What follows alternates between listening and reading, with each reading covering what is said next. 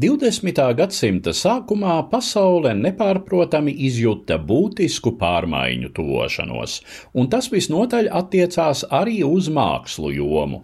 Tradicionālie mākslinieckās izteiksmes līdzekļi, kurus Eiropa bija kopusi daudzas desmitgades, pat vairākas simtgades ilgi, šķita lielā mērā izsmelti, un radītāji meklēja jaunas formas un paņēmienus. Protams, daudzos tradicionālu vērtību cienītājos tas izraisīja noliegumu un nepatiku, un reizumis estētisko uzskatu konfrontācija noveda pie īstiem ekscesiem. Viens tāds, iespējams pats zināmākais, bija tās augtais skandāla koncerts, kas notika Vīnē, mūzikas biedrības lielajā zālē 1913. gada 31. martā. Koncerta iniciators un organizētājs bija tobrīd gados jaunais impresārijs Erhards Bušbeks. Viņš vadīja Vīnes koncertbiedrību, kura sadarbojās ar tās augtās otrās Vīnes skolas komponistiem. Skaņražu pulciņu, kura idejiskais centrs bija komponists Arnolds Šēnbergs. Ap viņu grupējās skolnieki un domu biedri Antons Vēberns, Albāns Bergs un citi.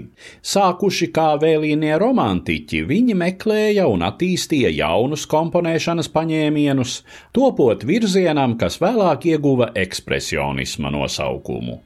Mūsdienās šie komponisti ieņēmuši pelnīto vietu mūzikas vēstures panteonā, Tolaik viņi bija novatori, daudzu kaismīgi apjūsmoti, bet citu pelti kā vērtību grāvēji un kultūras pagrimuma iemiesotāji.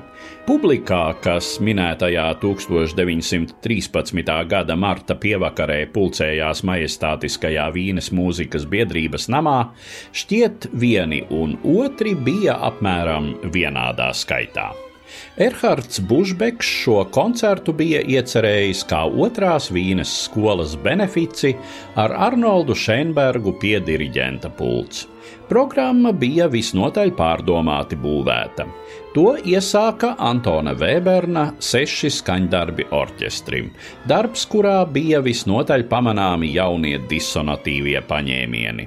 Sekoja daudz tradicionālākās komponista Aleksandra Zemlinska četras orķestrālas dziesmas par Meterlinka poēmu tēmu.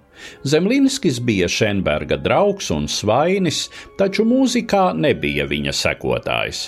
Tad nāca koncerta saturiskais smaguma punkts - Šenberga pirmā kamersimfonija.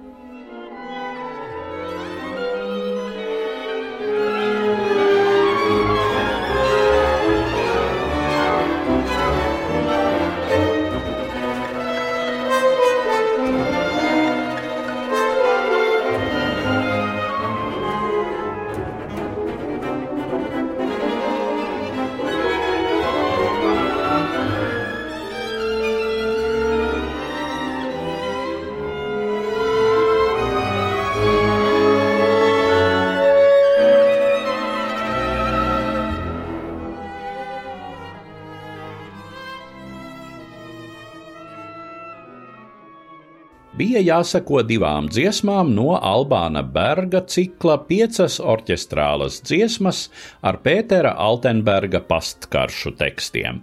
Savukārt visu bija jānoslēdz vēlīnā romantisma dižgara Gustava Mālera ciklam dziesmas par mirušajiem bērniem. Jau Vēberna atskaņošanas laikā zālē skanējuši smiekli un izsaucieni, savukārt skaņdarbam izskanot tā pretinieki svilpuši, savukārt atbalstītāji vētraini aplaudējuši. Zemlinska kompozīcijas publiku kaut cik nomierinājušas, bet, sākot skanēt Šēnberga izteikti ekspresionistiskajām taktīm, zālē jau atkal šņākuši un svilpuši, vienā no balkoniem izcēlies pirmais ķīviņš.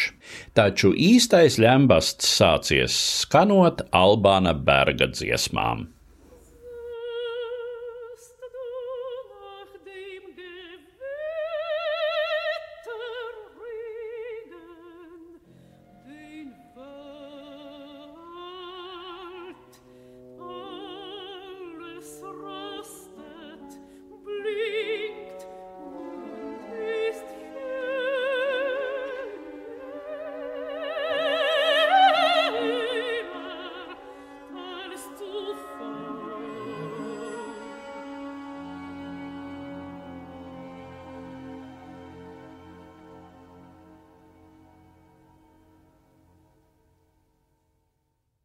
Daļas publikas nepatiku izraisījusi ne tikai mūzika, bet arī programmā nodrukātie dzinieka Altenberga teksti, mazi liriski fragmenti Baltajā pantā. Zālē klieguši, ka tas Altenbergs esot vedams uz trakonāmu, citi tikpat kategoriski klieguši pretī un jau drīz laistas darbā dūres. Zālē lūza krēsli, neviens vairs neklausījās Šenberga lūgumos nomierināties, un koncerts bija jāpārtrauc. Prese to nodēvēja par skandālu koncertu. Stāstīja Eduards Liniņš.